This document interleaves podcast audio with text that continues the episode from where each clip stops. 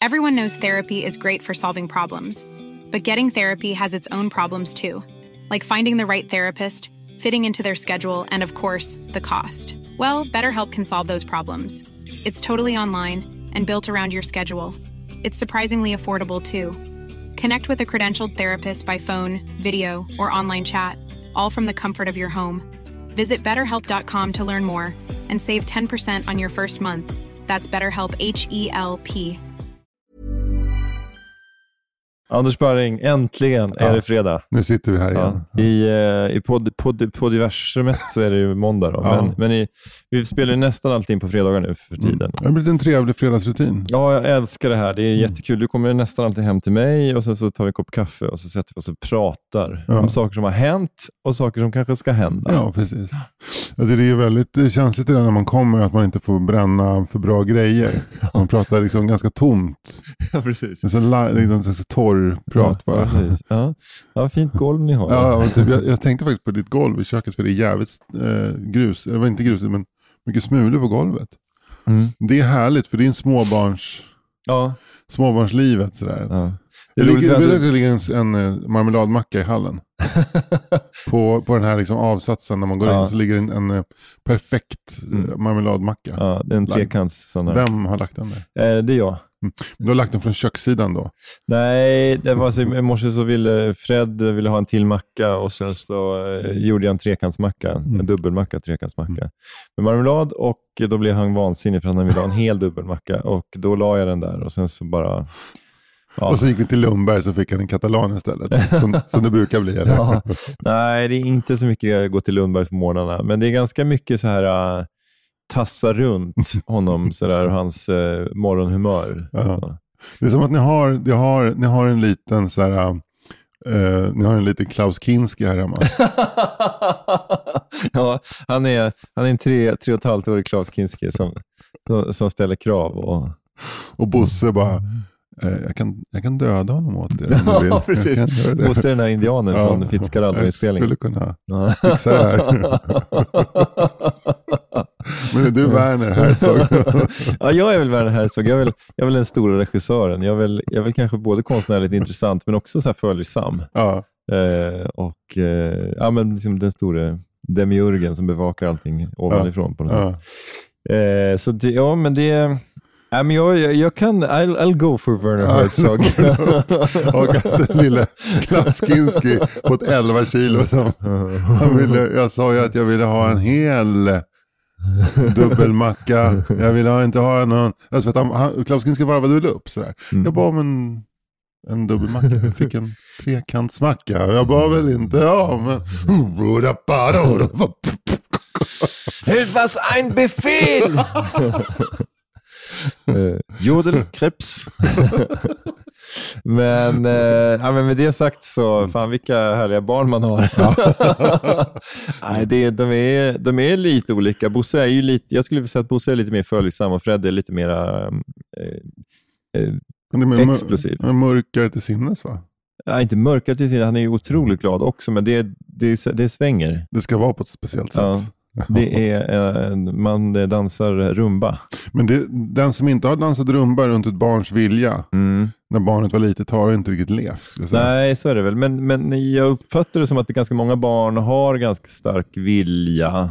Och sen är det att föräldrarna balanserar mellan att bara plisa eller att ibland sätta gränser. Mm. Och, så. Mm. och Sen vet man inte riktigt hur man ska navigera i det där. Men jag hade frågan, det är en ris- risktagande att om, man- om man, någon skulle liksom gå emot den där viljan och säga nu äter du upp din trekantsmacka. Mm. Ja. Det, det kan också i det här barnets megalomana världsbild vara en sån stark kränkning så att det är för livet. Mm. Alltså, eh, För en normal person så skulle det inte vara någonting, okej han tvingar mig att käka en trekantsmacka. Men för, eftersom det här barnet då har en fullständigt grandios självbild så blir det som någon slags jävla palatsrevolution. Mm. Liksom, Mm. som, som ska då avhandlas på någon, på någon eh, terapisoffa om 25 år. Liksom. Ja, eller ännu, Fred värre, ligger där och bara- eller ännu värre i en podd. Ja, det, är Fredrik skapar innehåll här nu. Ja. Kan ju, bli- kan ju, det här kan bli guld om Ja. 30. Men, men om, om det ska bli podd då måste det vara mer än 30 år. Han måste ju vara över 40 då. För det ska vara riktigt så starkt. Mm. 40, eh, Fred 42 berättar om ett oklart minne från barndomen. Han vet att han, han har gjort det från att, att han inte fick, att han ville ha en dubbelmacka Mm. och du delar, så, så i hans minne har det blivit att du tvingar honom att äta en majonnäsmacka. Mm. Helt, han har inte bett om någonting. Nej. Bara plötsligt så fick han trycka in en majonnäsmacka med bajs på i min mun. Ja. Liksom det är det som det har blivit då. Ja. Hej, välkomna till Love och Fred. Eh, avsnitt eh, 68. Eh, det, är, det är måndag. Vi sitter här i Gällivare som vanligt och poddar. Hur har du tagit honom dit? Nej, men för att jag tänker att eh, då är det så här, eh, det här med plats har blivit helt eh, oväsentligt. Ja. De kan bara lika gärna bo där.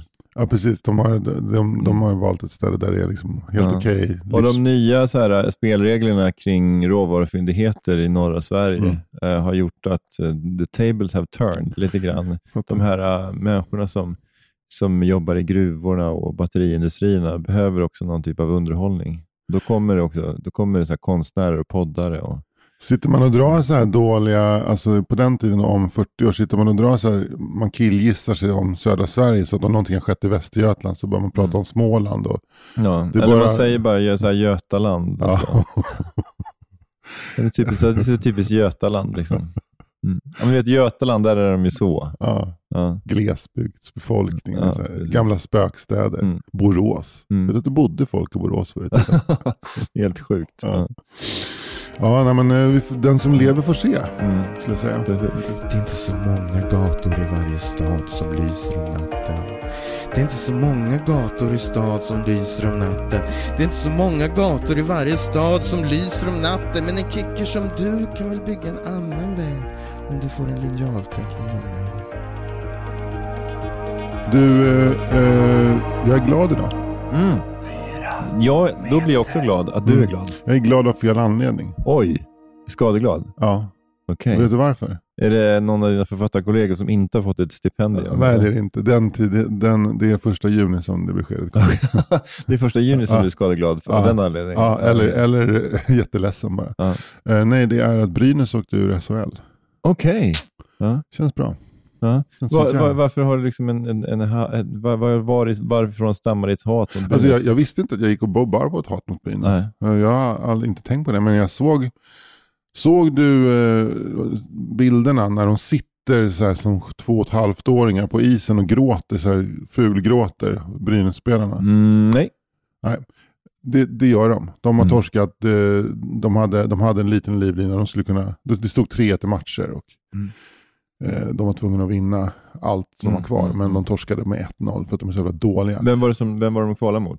Eh, det var mot, var det fan mot Timrå? Eller? Mm, Jag tror det var mot Timrå. Ingen roll. Ja, skitsamma. Men, eh, men de eh, satt och fulgrät på isen och står liksom och gnuggar sig under visiret och gråter. Det finns Mm. ingenting som är så rättfärdigt som en hockeyspelare som gråter över en utebliven seger. Mm. Och man bara känner så här, men varför man bara vinn då för fan, era jävlar. Mm. Men det är klart att jag inte föraktar alla idrottsmän som är ledsna över ett resultat. Men jag menar, varje gång Ronaldo gråter då känner jag ju, jag förstår verkligen att du är ledsen, Mm. Cristiano. Men det var intressant ändå. Men, men Brynäs är ju en, en klassisk klubb. Alltså, men de, Mm. alltså, de var ju väldigt stora, framförallt på 70-talet. Ja. Men sen har de ju haft lite storhetssidor efter det. Men de har ju inte, de senaste 20 åren så har de inte varit den här stora storklubben. Det har ju varit, det har ju varit Frölunda och, och Färjestad och Skellefteå och andra klubbar som har Precis. varit, liksom, seglat upp som och även typ Växjö, Linköping och sådana klubbar. Så Brynäs har väl kanske seglat i radioskugga lite De har grann. stått, man kan säga att Brynäs har stått för, någon, de har stått för någon slags kontinuitet Mm. i hockeyn. Ja, men Brynäs har ju alltid varit en del av svensk hockey. Exakt, och det är de ju fortfarande. Ja. De, är fort, de har inte upphört att existera, bara att de spelar nu i allsvenskan. Ja, men alltså, grejen är att på 70-talet när de var som störst, då, då, då bodde vi i norra Roslagen, upp utanför Östhammar och Mm. Öregrund där. Och jag hå- håller ju på AIK. Jag hade ju stolt min gulsvarta halsduk Mm. varje vinter. Liksom. Mm. Och fotboll var ingenting jag direkt brydde mig om, men jag var väldigt, väldigt besatt av, av hockey däremot. Mm. Hästhockey. Häst, sa jag hästhockey? Nej. Ja. Men, eller jag försökte skoja Ja, lite grann. Ja, det var någonting att du sa fel och så försökte jag göra ett skämt av det. Ja, Det är också jävligt. Ja, men det är ett jävla sätt. Ja, det är också Det är sånt där som eh, Fred kommer ta upp i sin podd om 40 år. Översittarpersoner. Mm, mm, mm. Vad höll du på för hockeylag? Eh, Brynäs. Gjorde du det din Ja, jävel? Ja. Ja. men i alla fall då stod jag där på, fru, på skolgården på, nu säger jag fel igen, på Långalma, Långalma skola gick jag i. En liten B-skola kallas det för. Mm. Med en 1-3 klass och en fyra till sex klasser. Det var, vi var som minst 21 elever i hela skolan. Då var vi så små så att tidningen kom och skrev om oss. Mm. Alltså 90% av eleverna var brynäsare. Så Mm. var det jag som var AIK-are och så var det Jeff som var djurgårdare. Eh, Och, eh, och en kille som hette Pelle också som var AIK-are. Men vi var vi tre som Mm. då inte höll på Brynäs. Och eh, jag lärde mig där eh, hur renande hatet kan vara mot en klubb. Mm. Hur fult jag tycker det är med det gul, svart, röda kombinationen. Och Mm. hur fult jag tycker att Brynäs lilla förment nyindustrialistiska logga är. Det ser ut som en slags öststats eh, emblem tycker jag, Brynäs-loggan. Så Brynäs Och- hade ju ett, ett tag ett emblem som hette Brynäs Tigers. Kommer du ihåg det? Nej, det kommer jag inte ihåg. Nej, det var senare. Alltså jag släppte ju hockeyn helt och hållet Mm. efter att Sovjet föll ihop. Jag har inte brytt mig om hockey sedan 1989. Nej. VM i Globen då. Men eh, eh, jag kommer ihåg att jag aldrig skrattat så högt som när vi med hela klassen skulle ta en busstur upp till Kungsberget och passera Gävle. Och då åker vi förbi en gammal, en gammal hockeyrink Mm. som är mu- förmultnad så att sargerna bara faller samman och Jeff säger kolla Gavlerinken. Helvete vad jag garvade. ja, Jeff. Han Jeff, hade det. Ja, han hade någon humor, Ja. men det var snabb som fan. Gav, kolla Gavlerinken. Vad, vad gör Jeff idag då? Jag vet inte vad han gör. Han, han är väl hemmansägare och, och, och kör bil. Och har barn som kör epa. Och, eller kanske barnbarn som kör epa. Mm. Eh, men jag vet inte riktigt vad, vad Jeff finns. Vad, vad han gör. Jag vet att han lever. Ja. Jag, vet, jag vet att han, att han fortfarande lever. Han, Rädda Jeff, död eller levande? kommer du ihåg eh, den gamla eh, motocrossföraren? Eh, Håkan Kolla Karlqvist? nej, vad hette han? Svanberg. Mm. Hette han Harald Svanberg? Nej, Nej, han var, det var Jeffs farbror. okej. De körde motocross. Ja. Var en motocrossfamilj. Vad förvånad jag blir så här med så här Roslagen glesbygd. Ja. Jeff. Ja, och motorsport. Ja. De hade en egen motocrossbana i skogen Mm. eh, där de bodde. De Förvånar mig inte. Nej. Vi brukade cykla i den. Ja. Försökte få upp så mycket fart så att man kunde ligga i kurvorna. Gick Ja. sådär kan jag säga. Ja, men så här, A for effort. Men, eh, men det, det får man ändå ge, ge honom att han var snabb när det väl gällde. När det skulle skämtas. Ja, han gav ju mig en, ett minne för livet. Fan vad jag garvade. Men också det roliga är att jag först var tvungen, jag var så liten, jag kanske bara var nio. Jag bara, Mm. är det verkligen Gavlerinken? Kan det här vara Det ser inte ut som på tv. Nej, han skämtar. Och det var som att en synaps bildades. där. Så här kan man skämta. Ja. Han Jeff, du sådde ett frö. Underbart. Nej, men jag höll ju på Brynäs när jag var liten, men jag, mitt hockeyintresse har ju verkligen falnat Ja, också. men- alltså, ja. Det var ungefär samma som för... Nej, men jag, man, man kollar väldigt mycket på hockey på tv, framförallt Tre Kronor. Verkligen, verkligen. Alltså, jag var helt besatt av hockey. Mm. Jag kommer ihåg en bil, vi skulle åka hem till farmor och farfar, de bodde i Sollentuna. Det var en bit från Östhammar där vi bodde. Så att, och jag visste att det var en match, typ Sverige-Kanada, nej Sverige-Tjeckoslovakien tror jag det var. Mm. Jag var för fan helt jävla besatt av att vi skulle komma fram i tid. Och jag satt och skrek i baksätet. Nu är det en kvart i tre, matchen Mm. börjar kvart i tre. Farsan försökte liksom blåsa på där på E4 söderut. Mm. Missade i första perioden, Sverige torskade matchen också. Ja. Men eh, fy fan, kommer du ihåg 13-1 mot Sovjet-matchen 19, VM 81 i Göteborg? Nej, alltså vi förlorade. Eh, Ja, vi vann ju inte med 13-1 Nej, nej, jag tänkte, nej, men, nej, det minns jag inte, men det är ju en jävla förnedring. ju. Ja, det, var, det är också ett, ett starkt minne för mig. Men jag minns, var, var det 87, var det i Wien det blev Då guld, tror jag. var Sverige vann guld, ja. Ja, och sen var det ju då 91, så det- vann vi guld. Ja, igen. precis. Jag tror faktiskt att jag hade släppt li- lite då. Ja. 91. Och 91 då var, det, då var det samma kväll som vi vann VM-guld och Carola vann Eurovision. Just det. Det var en Det stor var svensk kväll. Det var, det var en festkväll. och då var jag och såg, då var jag på Norrlands nation i Uppsala och då såg jag, då spelade både docenterna och Perssons pack samma kväll. Så det var, det var en jävla kväll. Det var ett jävla pådrag alltså. Ja. Båda systrarna Schultz var med. Och hoppa mellan båda banden kanske. Nej, ja, det gjorde de nog inte. Men eh, de var ju med i docenterna båda då. Både Ja, det var Irma de. och Inde. Just det, det var de. Eh, kul! Ja, kul. Ja, Men kul du, eh, jag eh, minns du också dina gamla hockeyprofiler? Har man hade ju några så här hockeyprofiler. Ja. Som man tyckte var snygga eller man tyckte var jävligt coola. Så här. Högosta, Ja, såklart. Honken. ja, Honken. Ja. Ja. Men Eh, jag hade en eh, Mats Ulander. Mats Olander? Kommer du ihåg Mats Ulander? Nej. Kiruna-född. Okej, och som spelar AIK? Ja, spelar AIK. Ja. Snygg som fan var han. Ja. Ser ut som eh, Conan, Conan Barbaren. Mm. Eh, Vad roligt om man såg ut som Conan O'Brien.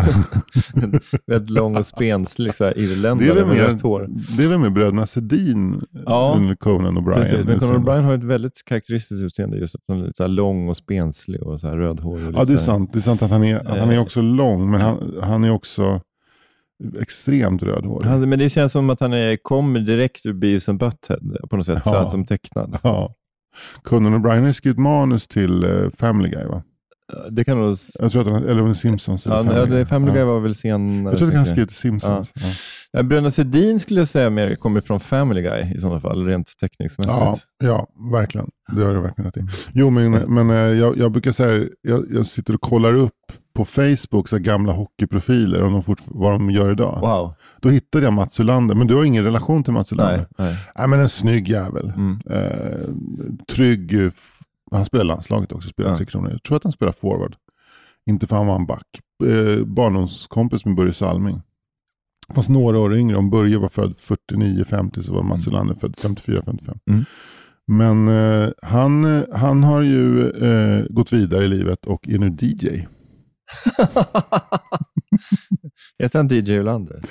Nej, han heter inte, han har inget sånt där. Men han spelar på ett smörrebrödsställe i Östermalmshallen varje torsdag mellan 18 och 21. Men är du så här alltså att nu, vill, nu ska Jag, skulle, jag, skulle, jag och brorsan borde ju gå dit. Vi Ja, är gamla ja. AIK. Vi gick ju på de här matcherna också på Mm. Hovet. Stod Ja. ju på Apberget och skrek, och, skrek med hes. Men fan vilken oväntad vändning ändå. Jag Ja. tänker alltså att alla gamla hockeyspelare alltså, kör, liksom, blir, delägare i en travhäst. Eller, liksom, eller eh, börjar jobba med golvläggeri. Ja. Eller något sånt. Eller, Nej, nej. Inte Mats Ulander. nej. Utan han, jag tror att han håller på med golf. För det tror jag ändå, det, det är Ja. lag på det. Att man Ja. måste gå några runder med, med Peter här. Men eh, anledningen till att jag hittade Mats Ulander var faktiskt att egentligen jag var inne på en annan hockeyprofil, en Djurgårdsprofils eh, Facebook, Roffe Riddervall. Ja, visst. Ja, men han, det är ju en klassiker. Ja, han är ju en riktig Ja, klassiker. ja. Men eh, vad heter det? Men det, med, med tanke på att du inte har något hockeyintresse alls så känns Mm. det som att du har ett stort hockeyintresse. Jag hade ett extremt hockeyintresse på 80-talet. Och, och också att Roffe Riddervall var... Dels var det det här med... Eh, Men med- Riddervall var väl djurgårdare? Ja, men han var ju Fruängs eh, grabb. Ah, okej. Kom från Fruängen, Mm. hade gått i Fruängsplugget. En gång så plockade jag upp en, en SO-bok och då står det Roffe Riddervall i den. Och han har haft en som sin bok. Wow. Och en dag så kommer det in en vikarie i klassrummet och då är det Roffe Riddervall som är vikarie. Så vi hade honom som vikarie också i, eh, i SO. Han var ju rätt, liksom, han hade all, allt satt på rätt ställe på den. Mm. Men fan vad oväntat ändå. Men, men, då, men då, eh, hur gammal var du då? Vilket år var detta då? Det här är en, när Roffe är, spelar i Djurgården. Ja. Um, typ så 80, mm, före 85 är det. Men då uppenbarligen så var det så att, eller antingen var det så att de inte var proffs då. Ja, han var, nej, han Eh, jobbade. Det gjorde ju alla. Ja, alla Kommer du ihåg när man kollar på matchprogrammen så Mm. här, ja, Peter Gradin, polis. Ja, just det. Eh, Mats Ylander, målare. Mm, Du vet, så mm. Det var ingen som var... Men undrar när, liksom, för i fotbollen så var det, jag minns ju att Malmö FF var väl rätt tidigt på 80-talet så började Mm. det bli liksom ändå proffs Mm. i, i Malmö. Sen när, jag tror att när, när Martin Dahlin och, och Schwarz och Tern och de var som bäst Mm. i, i Malmö i slutet av 80-talet, då, då tror jag ändå att de var, hade någon typ av heltidslön i alla fall. Och det låter ju osannolikt att det skulle finnas mer pengar i fotbollen än i hockey på 80-talet. Mm, det känns som att det, att det var, ja, att hockey var rätt stor då, tänker jag. Men, Mm. eh, ja. men det Alltså- var intressant att veta när, när de började kunna tjäna så mycket så att de slapp jobba. Eller inte behövde jobba. Ja, men det har väl ju kanske när tv började sända matcher, när Mm. liksom, eh, tvn blev eh, kommersialiserad. Och då. Ja, det kanske är, ja, men det, det, det känns ju logiskt. Jag kommer ihåg att jag var hemma hos eh, en fotbollsspelare som då spelade AIK och sen sen blev en ganska stor Malmö-profil som heter Niklas Kindvall. Ja, Det har jag säkert berättat om. Vi gick en sån barnomsorgskurs ihop. just det. Och då var vi hemma hos honom. Han Mm. bodde i en lägenhet i Hammarbyhöjden som Mm. AIK pröjsade för. Men nu gjorde han vapenfri tjänst. Mm. Så att, eh, då var han tvungen att gå en barnomsorgskurs. Jag har ju träffat Mm. honom också. Han har varit med i någon panel, när jag höll i någon Malmö-panel. Ja. ja, men han är en sån här klassisk eh, idrottsman som Mm. också har ett rockintresse. Ja. Det är han och Mats Rubart va? och och eh, eh, eh, Mats Wilander. Mats Wilander, såklart. Det är min första go-to Ja. singer-songwriter idrottsman. Det är Mats Wilander. Men han är väl nästan mer känd som musiker va? Jo, men han hade ju en, ett Lundell-hjärta som klappade. Ja. Han gillade ju Men Lundell. det är roligt med Mats. Wilander att han, är, han har haft så många liv. För att han, han är ju en väldigt respekterad ko- tenniskommentator nu, på, Ja. om det är på Eurosport. Mm. Det, är väl, det heter väl Game Set and Mats, heter det väl? Mm. Hans lilla hörna där. Är det ett dialektskämt också då? Game Set and Mats. Alltså, ja. Men, eh, men han är ju jag tycker han är, alltså jag är otroligt imponerad av honom. Ja. Det lilla jag sett där han kommenterar, alltså från Roland Garros eller, eller från Melbourne och sådär. Han, han är otroligt eh, on point. Och- Det, det är någonting som gör att Mats Wilander lever så i radioskugga trots att han sitter och kommenterar tennis. Som säger vad, vad liten tennisen har blivit som, som publiksport i Sverige. Mm. Om man jämför med då när han och Stefan Edberg och Mm. Micke Pernfors var som störst. Liksom. Medan gamla, ganska biga fotbollsspelare är liksom... Ja. Så, så, så, så här, vi sitter hellre och pratar om Mats Rubart än om Mats Ja, Wilander. exakt. Nej, men det är väl någonting med fo fotbollen som sport, att den är så, så himla, det är larger than life. Ja, den sätt. behöver, den äter så mycket för detta fotbollsspelare också som Mm. ska liksom in och tycka till och, Mm. och försöka vara lika bra som Bojan Djordjic Ja. eller Glenn Det är inte Strömberg. jättesvårt. Det, det är många som tycker att han är väldigt bra. Ja. Men, men eh, jag vet inte, är han aktiv fortfarande eller? Han är aktiv som kommentator. Ja, ja, ja precis. Ja. Nej, om Bojan Djordjic är aktiv som fotbollsspelare. Nej, nej, som kommentator menar jag. Men i sådana fall är Fetto-korpen skulle jag säga. Det är han och Thomas Brolin.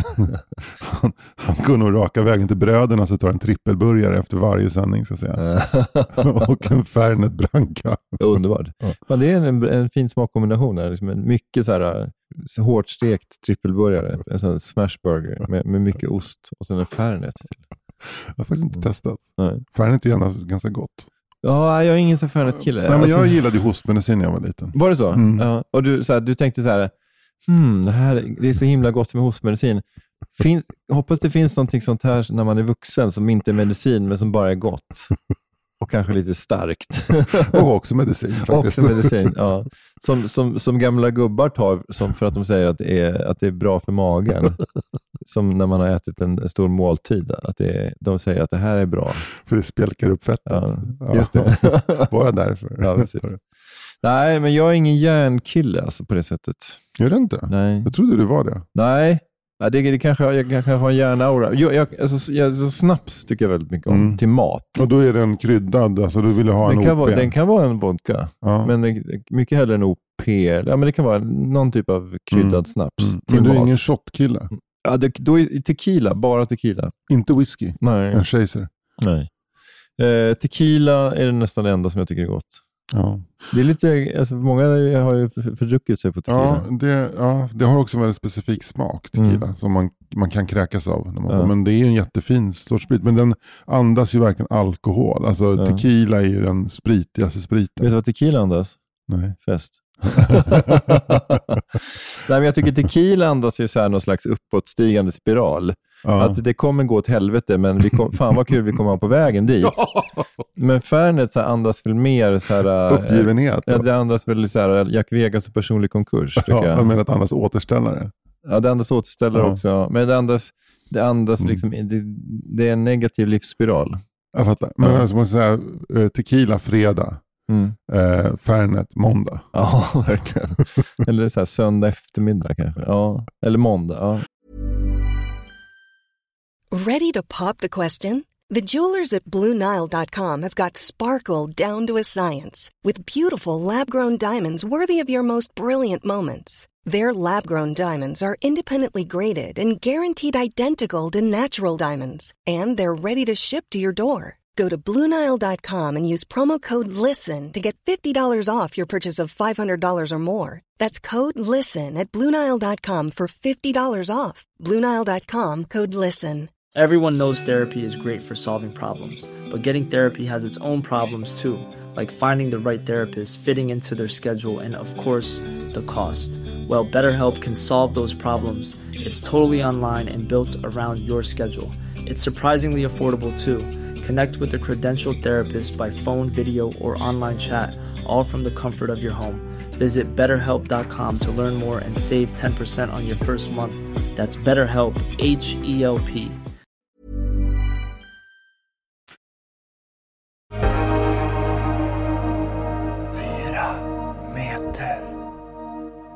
Jag kommer ihåg gången när jag var ute med min kompis Mats. Han spottade inte i glaset kan jag säga. Matsa. Och, nej, det var inte Mats Ulander Nej, och inte, inte heller Mats- Willander. Utan eller Mats Valtin, nej. Nej. inte Mats Valtin. det var Mats Rosén. Ja. Gammal kanotist. Gammal elitkanotist. Ja.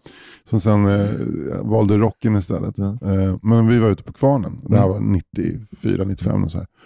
Jag var på sån jävla bra humör. Jag hade på vara på en sån perfekt plats. Eh, Och eh, jag ville få, få lite fart på det här. Så jag beställde en storstark och en Fernet var Mm. till mig och Mats. Och så, eh, så gick jag över med det. Och så kom han bara, jaha vad ska du dricka då? det gamla Bob Lindemann-skämtet. Jag vill ha elva whisky, den bästa whiskyn jag har. Filled up the breaden. Och nu grabbar kan ni beställa vad ni vill ha. Bob Lindemann. Ja. Nej men eh, jag, jag, Mats, varsågod, Fernet. Han bara, nej jag tror inte jag vill ha någon Fernet idag. Jag, tror, jag står över den. Skulle han inte dricka så mycket den kvällen?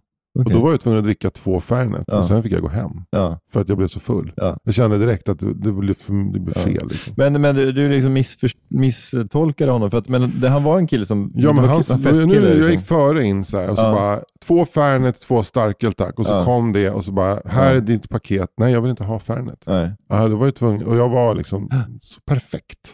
Så lagom berusad. Men om du hade fått eh, en Fernet och en öl där, Och han hade tagit den också. ja, men då hade du liksom kanske kvällen fått en helt annan Ja, utgång. det, hade, det var ett sliding doors ögonblick. Ja.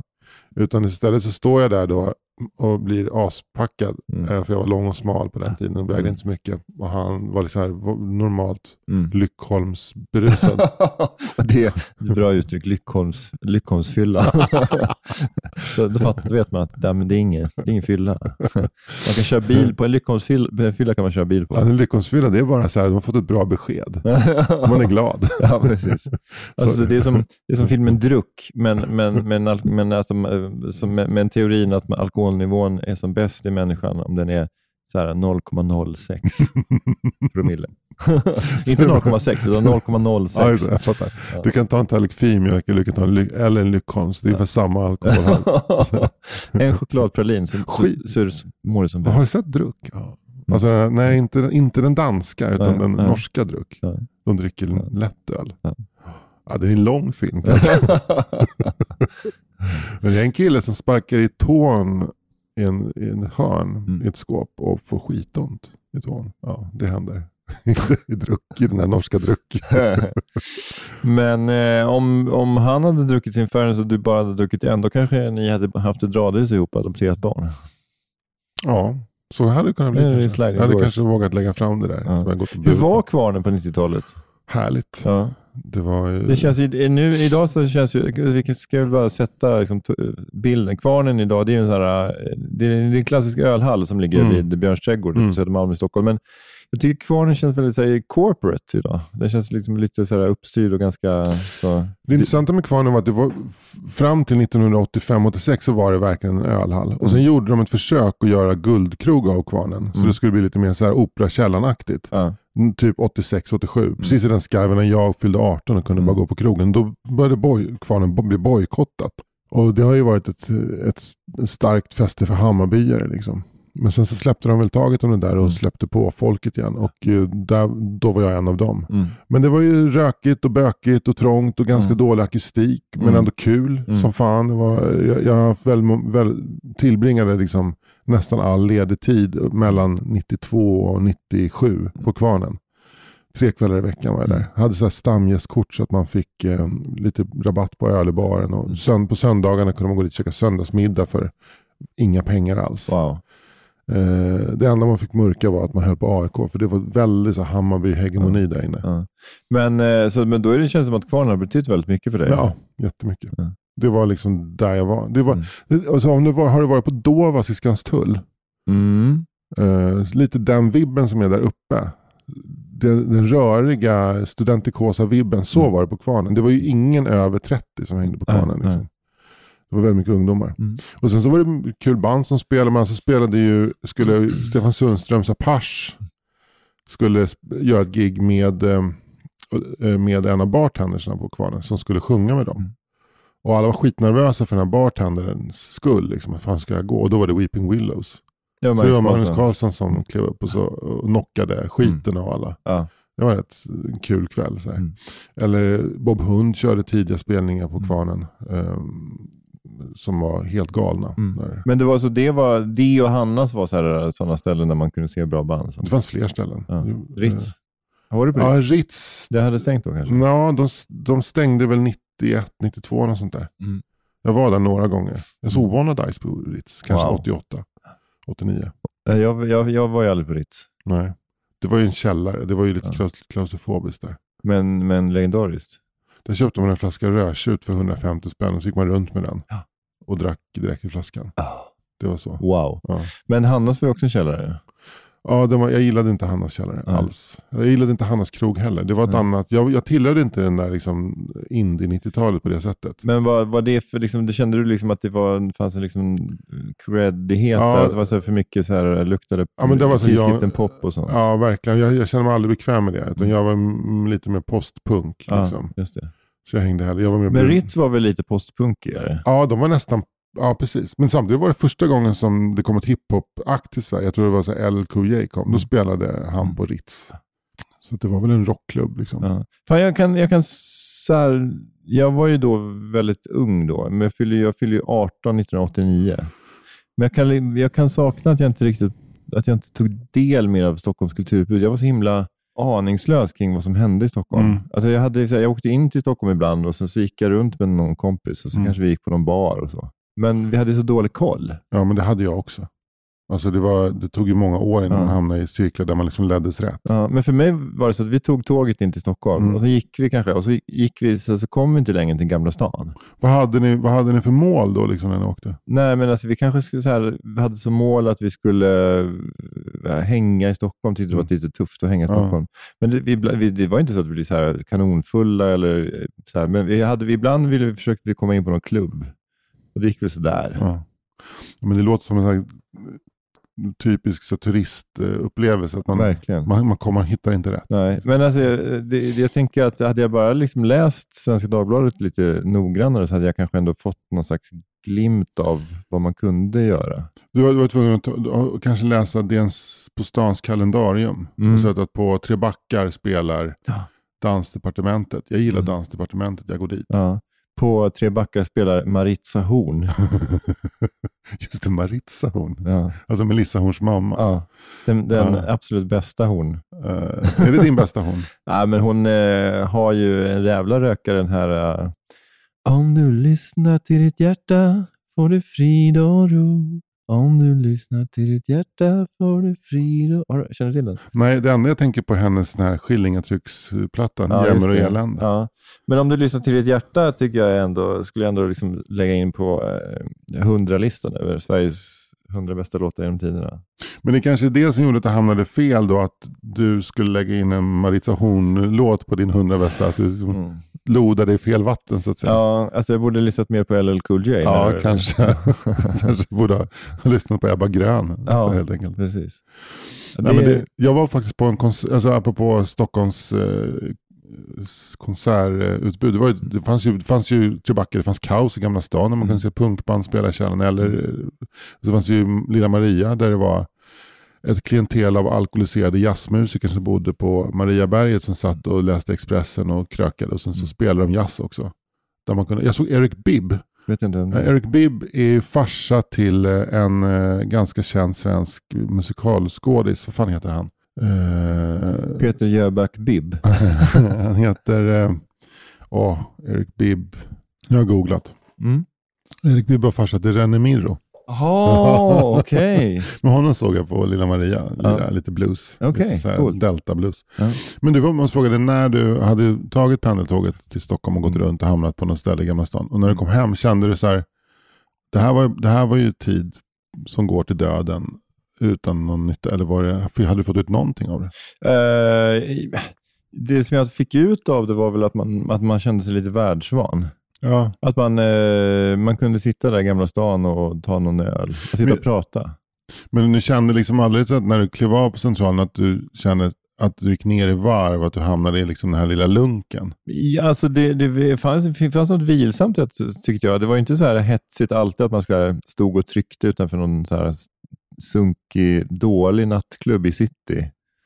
Utan det kunde lika gärna vara så att man gick till någon liten bar i Gamla stan och Ja, och drack ett par öl. Liksom. Men hur funkade alkohol på dig när du var i den åldern? Blev du upp, var du uppåt tjack eller neråt tjack? Uppåt skulle jag säga. Ja, det är nästan alltid det för grabbar i den åldern. Ja. För nu i vår, i vår ålder så är det ju neråt tjack. Mm. Nu blir man ju lugn och mellow. Och liksom. Ja, tala för dig själv. Ja, men Nej, det, men, jo, men det är klart att, eh, precis. Eh, jo, men jag förstår vad du menar. Det är ju, eh, men det var ändå så här, jag, jag tyckte ändå att jag, det, det fanns, det är väl någonting med den, om man är 18 och så här, går på gymnasiet, man vill väl också vara eh, lite cool. mm, Alltså, man vill vara vuxen. Mm. Så att det fanns ju någon, någonting i det, att man tog på sig någon lånad rock och liksom satt, satt på en bar i Gamla Ja. stan. ja. Och, eh, jag hade väl inte så mycket koll på så här, så här, poesi och politik. Man vill inte bli jag, synad vill, jag, vill ju liksom, jag vill ju ge det liksom, ge sken av att jag hade det. ja jag, jag hade ju inte koll på någonting. Nej, det men känns du- som att, Du vill inte att någon skulle syna det heller? nej, nej, Vad nej. gör du här? Men jag satt ju liksom inte heller med... med Vad gör du här på Gröna jägaren? Men jag satt ju inte med en så här liksom tummad diktsamling av Erik Lindegren eller så. Oh, jävlar, det hade Jag ändå varit något. Ja, eller hur? Men det var, så jag, en sån posör var jag ju inte ändå. Nej. Det var ju jag. Ja. Jag satt ju och läste medan Giftet verkar av Bruno Coelho i baren på Kvarnen och väntade på att de skulle lägga märke till att jag satt Mm. ensam och läste. Mm. Men det kan jag tänka mig var en riktig brudmagnet. Men det var det inte. Var det inte? Nej, det var inte mycket i mig som var en brudmagnet Nej, på den tiden nej. överhuvudtaget. Jag tog också med mig James Joyce Ulyssevs till Smedshultsbadet en, en varm sommardag. I Ja. de, där någonstans, 88, 89, 90. Ja. Och låg på gräset och läste Ulyssevs av James Joyce. Ja. I väntan på att några brudar skulle undra vad är det för cool kille som läser, läser ultranaturalism. Så här. Wow, vad är det här för cool, jä- cool jättelång blek kille som ligger där och, och läser ur en jättestor bok? va- Varför har han inte bläddrat än? Ja, precis. Jag, var, jag kom liksom inte längre till försättsbladet. Nej. Eller jag kanske kom till att han, han hade knappt ens, han hade, han kom han aldrig tillbaka från slaktaren. Mm. Eh, han går till slaktaren och köper njurar. Han kom aldrig tillbaka från slaktaren och då låg han hela eftermiddag på Smedshultsbadet och bara tragglade. Men kan det vara så att du liksom tappade Joys stream of consciousness och kom in i ditt eget stream Ja, of så, consciousness? det är så kanske så Joyce tänkte också. Att ja. det, här, det, här är bara, det, här, det här är bara liksom ett, ett hjälpmedel. Det här Ja. är bara liksom, Den här boken är bara till för att få folk att börja somna bättre. det, är så här, det, är, det är min tids fyra meter på det sättet. Men du, jag var på rockkonsert nu i veckan här på ett ställe som heter Slaktkyrkan som ligger i Slakthusområdet. Och då kände jag sen när jag var där att alla de här människorna som är här, de var nog med på 90-talet. För du var på Alkberg, eller Jag var på Alkberg, ja. Ja. Mm. Men du, eh, det hade jag gärna sett. Alltså inte så att jag, du skulle ha eh, sagt till, men, men jag hade, Alkberg har liksom, ändå, tycker jag ändå är jävligt eh, bra. Alltså. Ja, verkligen. Alltså jag har ingen rela- större relation till Alkberg. Men han är ju också en sån som ändå dykt upp några gånger i den här podden som någon slags referens. Ja, han till är- eh, Lu- Luleå, Norrbotten. Absolut, han är väldigt mycket en fyra meter kompatibel. Han är ju liksom en, precis som Rattama, en, Mm. en sån karaktär.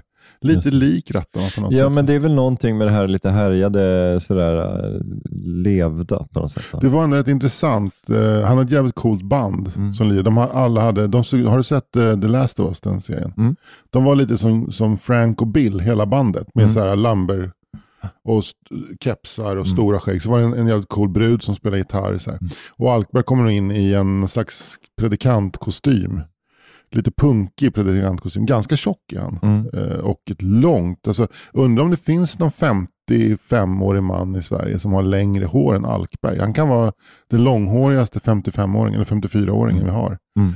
Eh, men då, han hade ett otroligt scenspråk. Och, jag, jag, tänker lite så här, du vet när Rolf Lassgård ska dansa. Mm. Den känslan. Ja. Wow. Eh, och få runt där. Och, och, och så sjunger han ju på ett...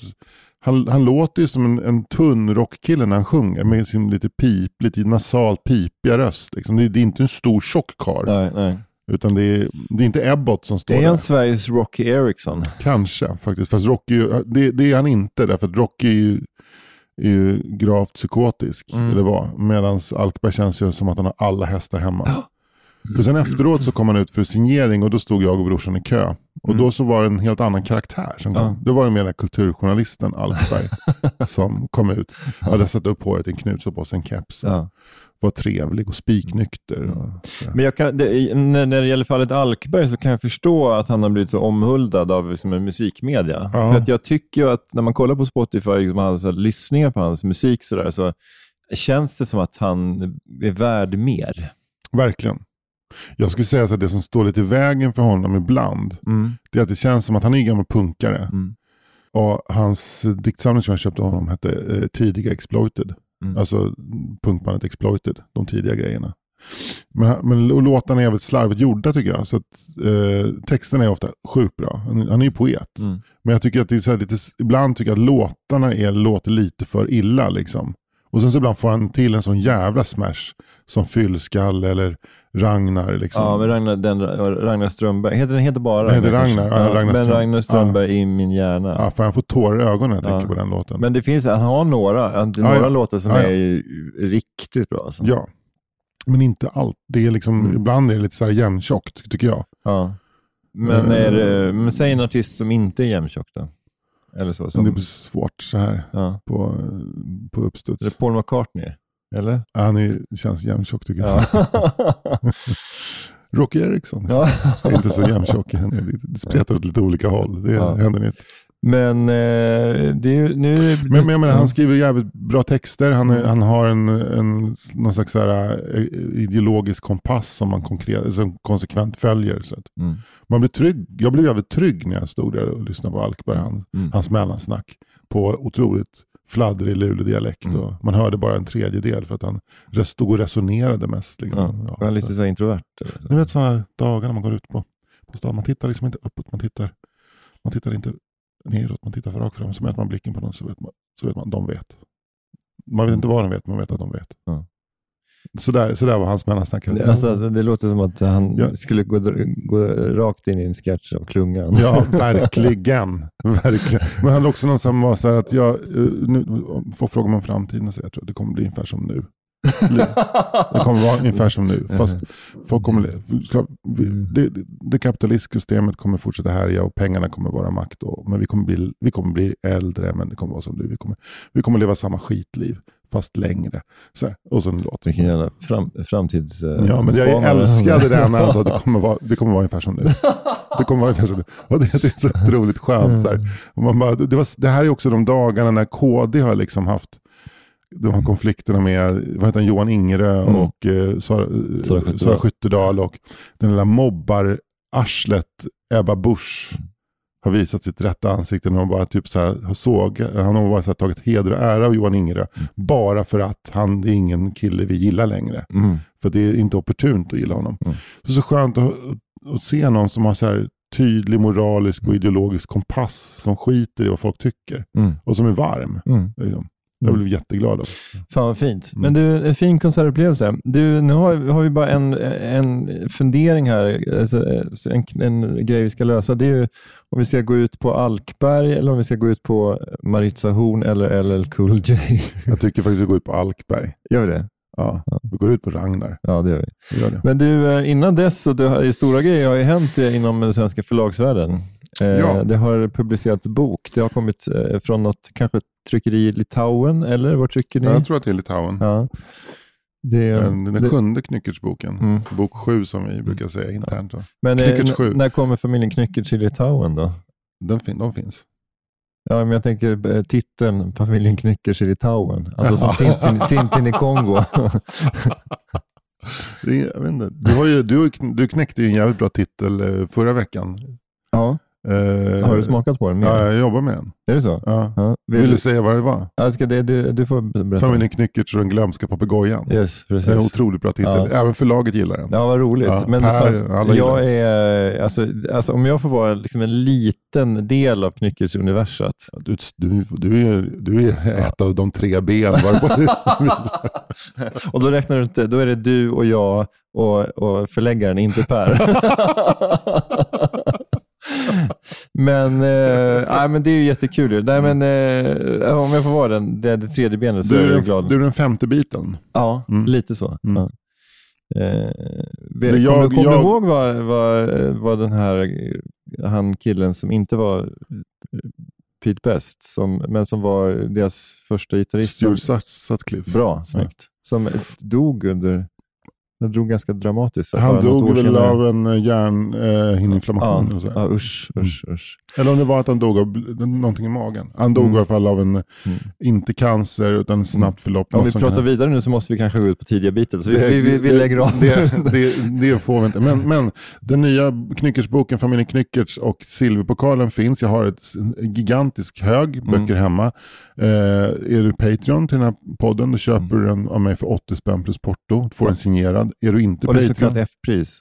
det är F-pris ja. Ja. Är du inte Patreon då köper du den för 100 spänn plus porto. Så att, eh, dra ett eh, meddelande till mig via 4meter.yahoo.com eller via Mm. då, eh, det finns ju en, en meddelandefunktion i Patreon-sajten. Den kan du, den Just kan du jobba med. Ja. Och båda de här priserna, både 80 och 100 plus sport, är betydligt billigare än vad det kostar i handeln.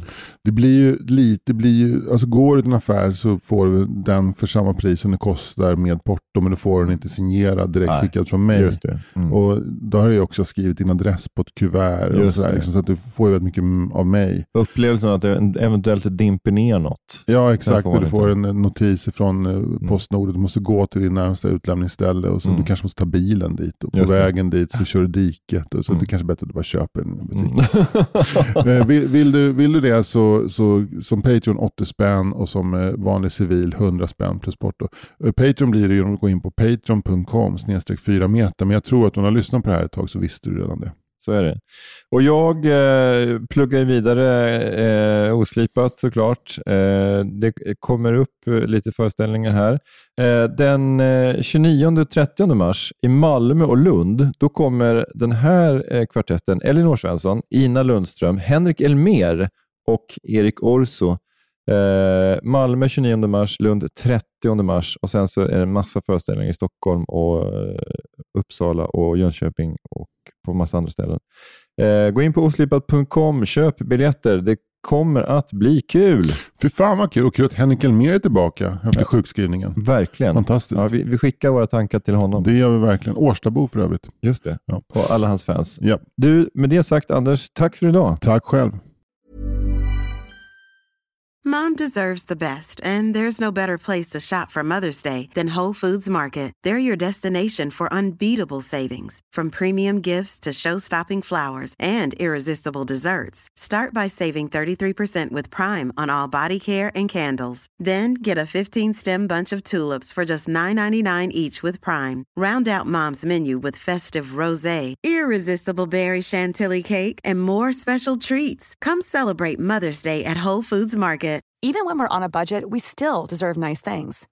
Quince is a place to scoop up stunning high-end goods for 50 to 80% less than similar brands. They have buttery soft cashmere sweaters starting at $50, luxurious Italian leather bags, and so much more. Plus, Quince only works with factories that use safe, ethical, and responsible manufacturing. Get the high-end goods you'll love without the high price tag with Quince. Go to quince.com slash style for free shipping and 365-day returns.